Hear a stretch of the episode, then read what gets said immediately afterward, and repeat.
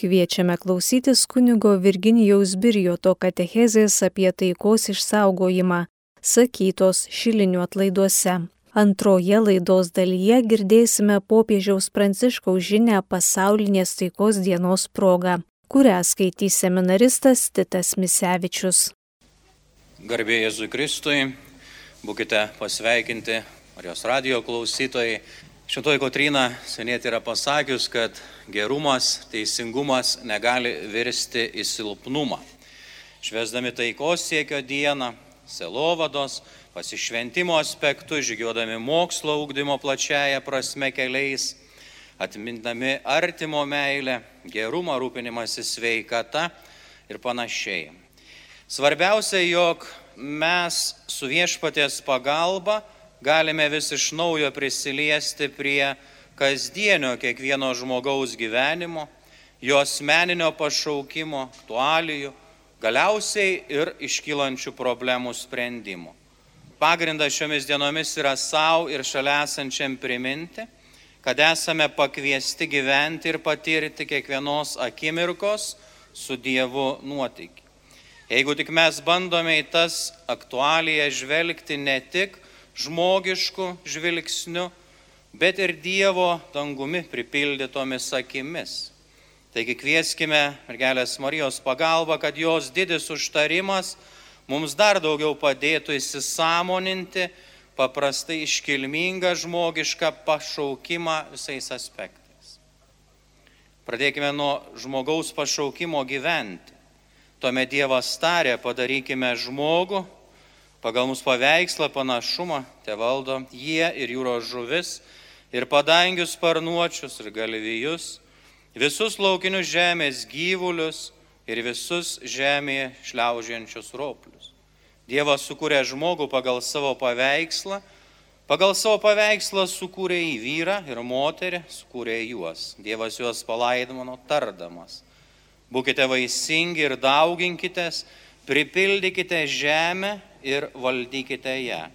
Viešpataukite ir jūros žuvims, ir padangių paukščiams, visiems žemėje judantiems gyvūnams. Dievas tarė, štai jiems daviau visus, visoje žemėje sėklą teikiančius augalus, visus medžius, kurie veda vaisius su sėklomis, jie bus jums maistas. O visiems laukų gyvuliams, visiems padangių paukščiams, visiems žemė ropliuojantiems gyvūnams, turintiems gyvybės salsavimo daviau maistui visus žaliuosius augalus. Taip ir įvyko. Dievas apžvelgė visą, ką buvo padaręs ir iš tikrųjų matė, kad buvo labai gera. Visada šalia dieviško žodžio ištaros arba prieiškimo, šalia mums į pagalbą žingsniuoja ir bažnyčios mokymas. Taigi šiuo atveju katalikų bažnyčios Katekizmas papildo Biblijos tekstą. Dievas pats, būdamas be galo tobulas ir laimingas, vien iš savo gerumo laisvai sukūrė žmogų, kad padarytų jį savo laimingo gyvenimo bendrininku. Dėl to kiekvienu metu ir kiekvienoje vietoje jis yra žmogui artimas. Jis žmogų kviečia, padeda žmogui jo ieškoti, jį pažinti, visomis jėgomis mylėti. Visus nuodėmės įsklaidytų žmonės iššaukia į savo vieningą šeimą bažnyčią. Kad tai įvyktų, laiko atėjus jis atsiuntė savo sūnų, atpirkė ir gelbėtoje. Jame ir per jį jis kviečia žmonės šventojoje dvasioje tapti jo įsūniais ir jo laimingo gyvenimo paveldėtojais. Kurėjo artumą žmogui suteikia, padovanoja nepaprasto egzistavimo, bet esminio buvimo kokybę. Kiekvienas pakrikštitasis savo krikšto pasižadėjimais yra įsipareigojęs atsisakyti tai, kas nepuošia jo gyvenimu ir priimti tai, kas suteikia kitokį. Tai yra gyvenimas su Dievu. Tai yra pašaukimas, kvietimas ir netgi šauksmas gyventi, atrandant tikėjimo šviesą. Tikėjimas yra pakankamai sudėtingas išbuvimas ant tvirto žemės pamato. Be jokio fanatizmo, be jokio davatkiškumo blogąją prasme. Tikinčiajam neužtenka vien tik valstybinio tapatybės dokumento, šiandien aktualaus galimybių paso, pagrindas yra asmens pašaukimas gyventi Dievo perspektyvoje, turėti ir reklamuoti jo identitetą. Vadinasi, kiekvienas krikščionis yra pašauktas į šventumą ir vienybę su tuo, ką donuoja Dievas. Štai trapistų vienuolis Tomas Merton yra palikęs tokią savo testamentinę dvasingumo linijos ištarą. Kiekvienas krikščionis yra pašauktas į šventumą ir vienybę su Kristumi. Tai yra mūsų Dievu, kuris tapo žmogumi per Dievo įsakymų laikymas. Nors savo dvasinėme testamente jis labai daug kalba apie tikslingai dvasinį vienuolinį pašaukimą, tačiau jo tekstų interpretacijos tinka visiems. Jis tęsė. Kai kurie, turintys ypatingą pašaukimą, įsipareigoja ypatingiams žingsniams, ypač rimtai žiūrint į ypatingą krikščionio pašaukimą. Tokie asmenys duoda arba bando duoti pažadą naudotis tam tikromis aiškiomis ir veiksmingomis priemonėmis. Tokiems šventumas nėra vien tai, ko siekiama kaip galutinio tikslo. Šventumas yra jų profesija. Lietuvių kalbos žodinė apie profesiją rašo specializuoto, kvalifikuoto darbo rušis, atitinkanti darbo pasidalymą. Taip pat antra rašoma, tai vienolystės įžadų, neturto klusnumo davimas, kurios nors žmogaus veiklos pasiekimų visuma, turinti intelektinį komponentą, teikianti individui savarankiškos galimybių, skatinti jį būti naudingu visai visuomeniai. Taigi, krikščionio profesija yra eiti žingsnis į žingsnį Dievo keliu, nepaisant mūsų žmogiško trapumų ir kartais kylančių įvairių kliučių. Čia labai svarbus akcentas yra mergelės Marijos sunaus, Jėzaus Kristaus tapusio žmogumi tapatybė. Čia Jono laiške randame Dievo snaus paliūdėjimą. Dievo meilė pasireiškia mums tuo, jog Dievas atsiuntė į pasaulį savo viengimi sūnų, kad mes gyventume per jį. Meilė ne tai, kad mes pamilome Dievą, bet kad Jis mus pamilo ir atsiuntė savo sūnų, kai permaldame už mūsų nuodėmės. Mylimieji, jei Dievas mus taip pamilo, tai ir mes turime mylėti vieni kitus. Tikime tuo ar netikime, galbūt bandome tikėti, visa tai Dievui yra svarbu, kitaip nei žmogui. Svarbiausia turėti profesinę, pašaukimo pareigą, pasiekti šventumą pagal kiekvieno ribotą, bet nepažemintą žmogiškumą. Štai čia galime vėl grįžti prie Tomo Mertono, kuris labai iškilmingai pasisako už plačią spektrį pašaukimą.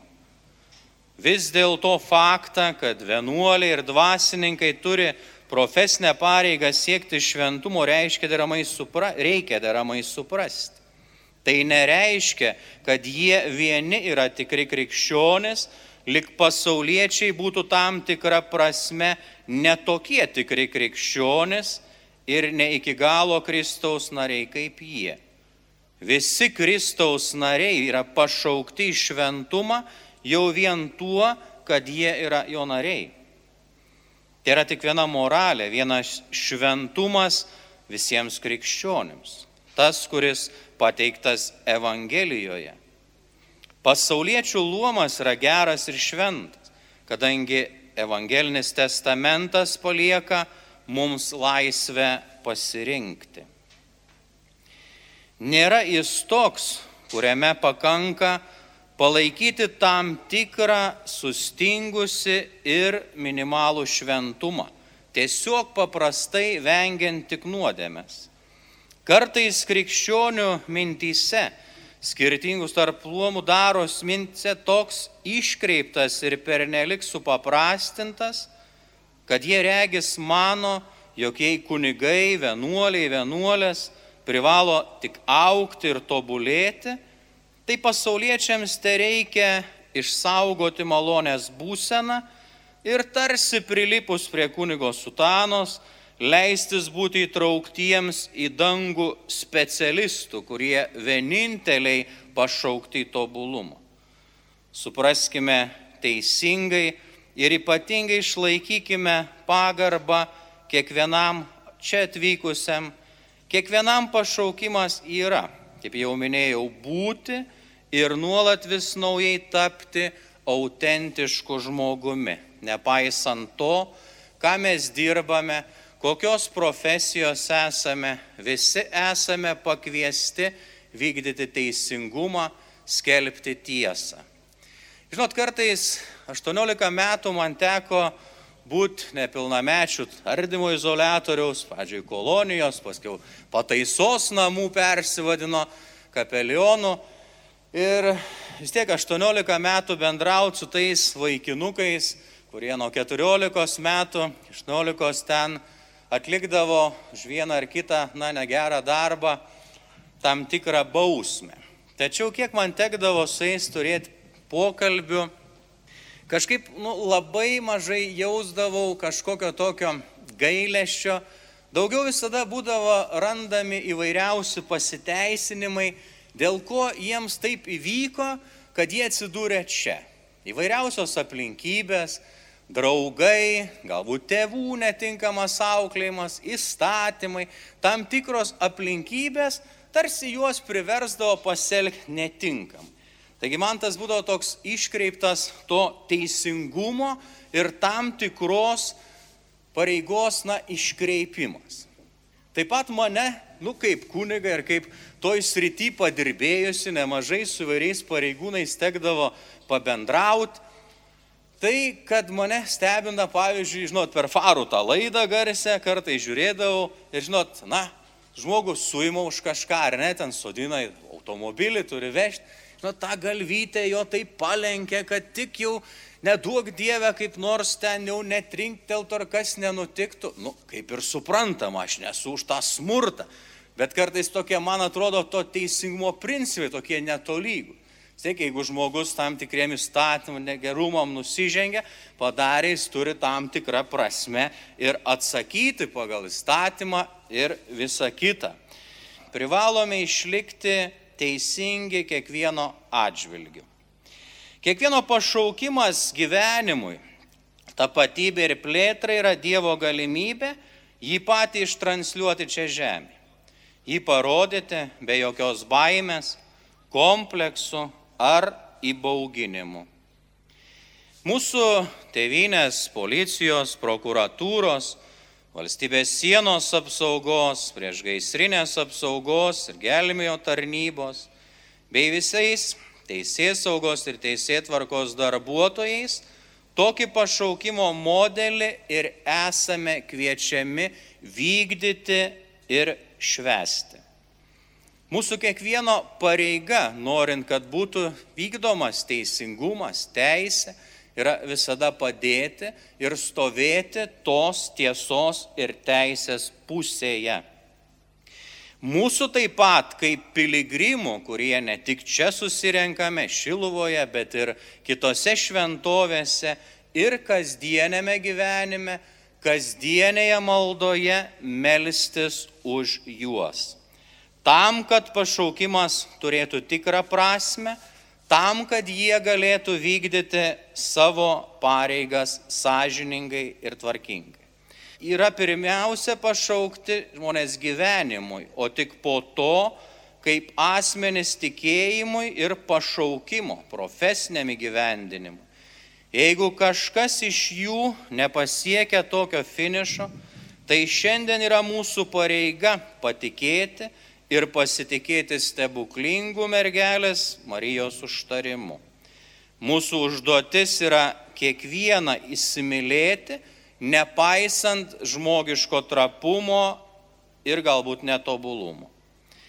Štai katalikų kunigas Henry Juven yra pasakęs, taigi, tampame pasiviomis pasaulio, trokštančio garbės ir dievinimo aukomis priklausomi nuo daugelio permainingų įvykių, dėl kurių mūsų nuotaikos ima sparčiai keistis, tampame nepastovus, o kas kart ir kerštingi. Tada mūsų gyvenimas tampa besikartojančiu, dažnai destruktyvių veiksmų ir poelgių, nesuderinamų su mūsų vidiniu aš seka. Nesunku pastebėti, kokie reakcingi esame. Tai yra, kaip dažnai mūsų gyvenimas tampa nervingu, nerimastingu poelgiu, kuriais reaguojame į savo aplinkos paskatą sankaupą.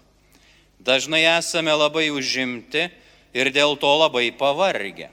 Tačiau turėtume savęs paklausti, ar mūsų skaitimas, kalbėjimas, vizitai, pastangos paveikti kitus, pamokymai, rašymas nėra labai impulsyvi reakcija į besikeičiančius aplinkos reikalavimus, o ne iš mūsų gelmių gimusi veikla. Ko gero, niekada nepasieksime grino veiksmo momento ir netgi galima suabejoti realu ir verta padaryti tai savo tikslu. Tačiau rodos labai svarbu iš patirties žinoti skirtumą tarp veiksmo, kuris sukelia pokyčiai aplinkoje ir veiksmo, subrendusio mūsų širdyse rūpestingai įsiklausiusi pasaulį, kuriame mes gyvename. Taigi, širdies gilumoje galime įsiklausyti šios valandos, dienos ir metų įvykius ir pamažu suformuluoti, kitaip tariant, leisti subręsti atsakymui, kuris iš tiesų būtų mūsų pačių atsakymas tai tikrai tiesai. Vadinasi, štai čia, Šiluvoje, galime skirti daugiau dėmesio pasauliui ir ieškoti atsakymo, kaip galime prisidėti, kuriant teisingumą. Brangieji, esame šaukiami į tarnybą. Ne bet kokią, o moralės ir taikos tarnystę, padedant mūsų teisingumo skleidėjams. Esame raginami žvelgti ne tik į mūsų šventuosius raštus bei liūdėjimus apie dvasinį gyvenimą, taiką, teisingumą, lygybę. Dievas mus kviečia būti ir daugiau tapti socialkultūrinėmis, tarp religinėmis asmenybėmis, kurios atsižvelgdamos į Evangelijos žinę sugeba išlikti Dievo kūriniais, kuriančiais tikrą teisingumą ir skelbiančiais tikrąją tiesą. Bažnyčia turbūt prarastų savoje tapatybę, jeigu nepažvelgtume į patį Kristaus vietininką, tai yra mūsų popiežių Pranciškų. Štai viename iš savo interviu jis dalinasi. Daugelį religinių tradicijų yra pasakojimų apie žmogaus kilmę, jo santyki su kurėju, gamta ir su kitais žmonėmis. Biblijos pradžios knygoje nuo pat pradžių parodoma, kokie svarbus dalykai Dievo plane žmonė yra rūpinimasis arba apsauga, pabrėžiant ryšį tarp žmogaus ir žemės taip pat ir tarp brolių. Biblinėme kūrimo pasakojime Dievas patikė Adomui Edene užveisti sodą, duodamas užduoti jį dirbti ir juo rūpintis.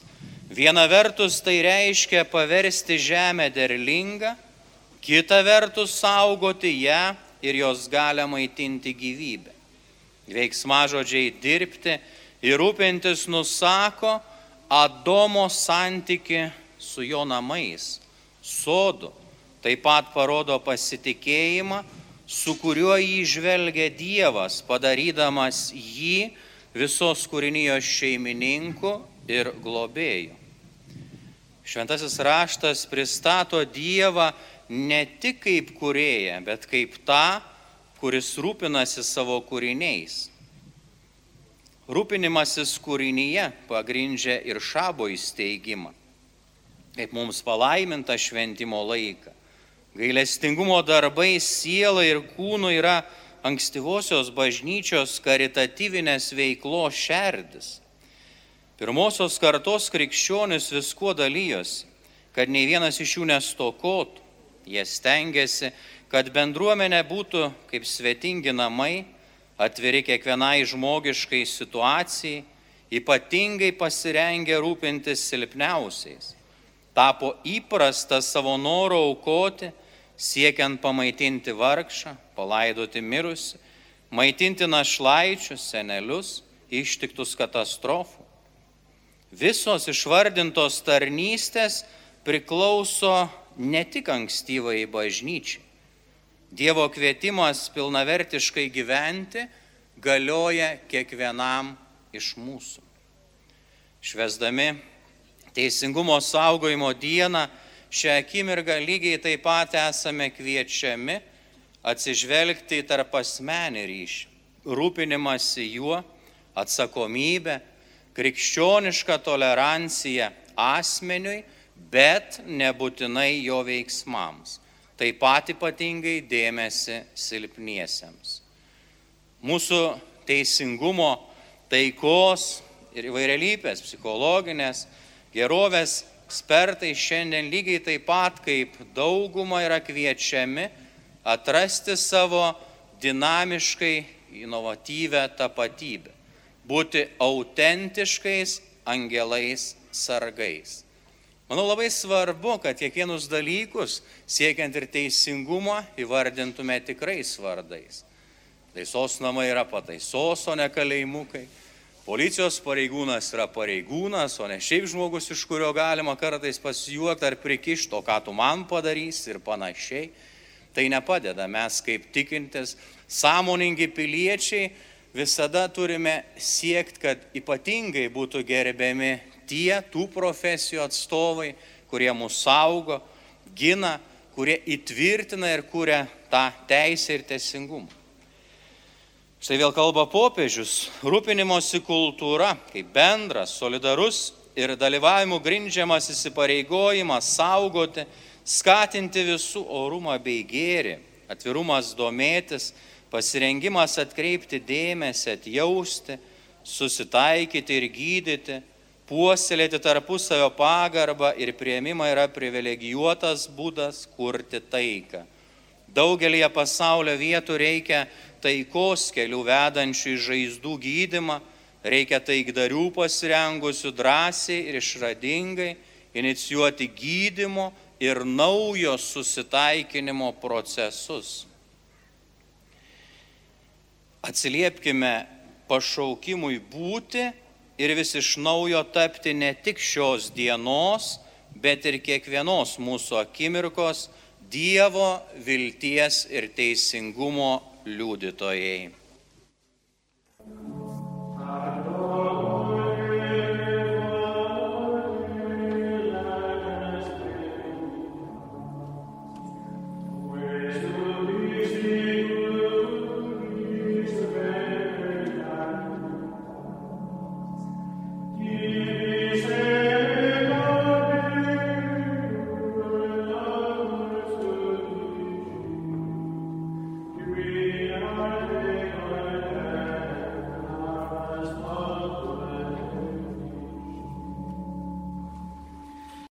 Popiežiaus žinia pasaulinės taikos dienos proga. Rūpinimosi kultūra – taikos kelias. Metų pabaiga savaime tampa proga susumuoti, kas per juos įvyko, o naujų metų pradžia išreikšti viltis bei linkėjimus ateičiai. Tai ypač tinkama proga linkėti didžiojo taikos gėrio, be kurio neįmanoma turėti ar pasiekti daugybės kitų gėrių todėl kasmet sausio pirmąją bažnyčia kviečia minėti pasaulinę taikos dieną. Šiai dienai tradiciškai skiriama popiežiaus žinia. Ateinančiąją sausio pirmąją minėsime 54-ąją pasauliniai taikos dienai popiežiaus skirtą žinią kurioje jis dalijasi mintimis apie tai, kad taika neegzistuoja be atitinkamos kultūros, kuri taptų atsvara abejingumo, išmetimo ir konflikto kultūrai. Popiežius pažymi, jog 2020 metus pasauliniu mastu ypatingai paveikė COVID sukelta sveikatos krizė, kuri padarė įtaką kitoms tarpusavėje susijusioms krizėms ir jas apsunkino - klimato, aprūpinimo maistu, ekonomikos, migracijos. Jis prisimena tuos, kurių gyvenimai buvo labiausiai paliesti. Pirmiausia tuos, kurie prarado šeimos narį ar artimą žmogų, taip pat tuos, kurie neteko darbo. Popiežius dar kartą dėkoja medikams, slaugams, savanoriams, kapelionams, mokslininkams ir kitiems, kurie darė, ką galėjo, kad padėtų ligoniams, silpniesiems, pažeidžiamiesiems. Dėja greta artimo meilės ir solidarumo liudijimų matome naujas rasizmo, uždaro nacionalizmo, ksenofobijos apraiškas, naujus karų ir konfliktų židinius. Šie ir kiti įvykiai lydėję žmonijos kelią praėjusiais metais mus moko, kaip svarbu, kuriant brolybės ryšiais paremtą visuomenę, rūpintis vienas kitu ir kūrinyje. Todėl pasirinkau tokią šios žinios temą - rūpinimosi kultūra kaip taikos kelias, rašo popiežius Pranciškus. Kurėjo visiems suteiktas pašaukimas. Šią temą šventasis tėvas argumentuoja ir plėtoja žydų krikščionių religinę tradiciją. Biblija žydų ir krikščionių bendruomenėse išvystytais minties ir gyvenimo principais. Šie principai yra vertingi ne vien patiems tikintiesiems, bet ir visiems geros valios žmonėms, kurie neabejingi vargšo skundui, kūrinijos apsaugai, visų gėriui. Anot Pranciškaus, pradžios knyga leidžia suprasti, kad žmogaus pašaukimas rūpintis kyla iš paties kurėjo.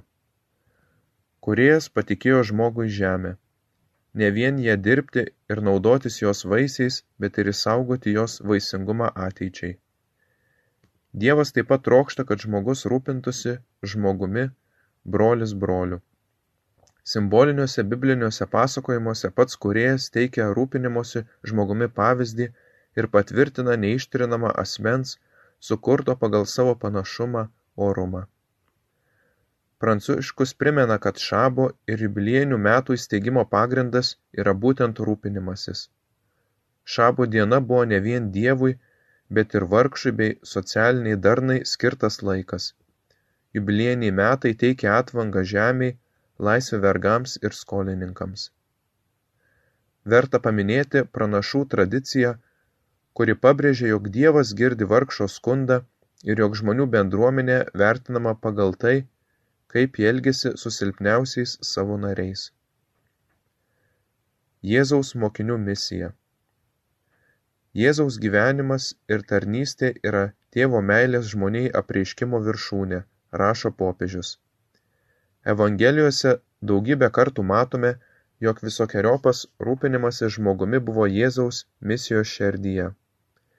Jis gydo, atleidžia, išlaisvina, dovanoja naują gyvenimą galiausiai savo gyvybės ant kryžiaus atidavimo kaina išlaisvina mus iš mirties ir nuodėmės vergovės, atveria ir kiekvienam siūlo meilės kelią. Gailestingumo darbai sielai ir kūnui yra pirmųjų Jėzaus mokinių, pirmosios bažnytinės bendruomenės tarnystės artimui branduolys. Jie viskuo dalyjosi, kad niekam nieko netrūktų, kad visi našlaičiai, vargšai, seneliai krikščionių bendruomenėje surastų svetingus namus. Vėliau, kai dalies krikščionių dosnumas sumenko, didieji krikščionių autoriai tokie kaip Ambraziejus stengiasi jį priminti. Dar vėlesniais amžiais, kai krikščioniškas tikėjimas pradėjo formuoti ir įkvėpti visą visuomenę, buvo steigiamos ligoninės, namai vargšams, našlaičiams.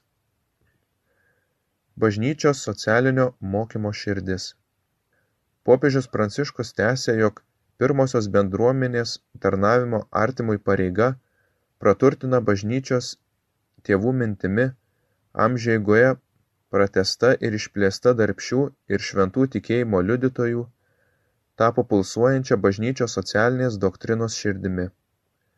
Ši doktrina yra vertingas principų, kriterijų ir gairių paveldas visų pažiūrų geros valios žmonėms.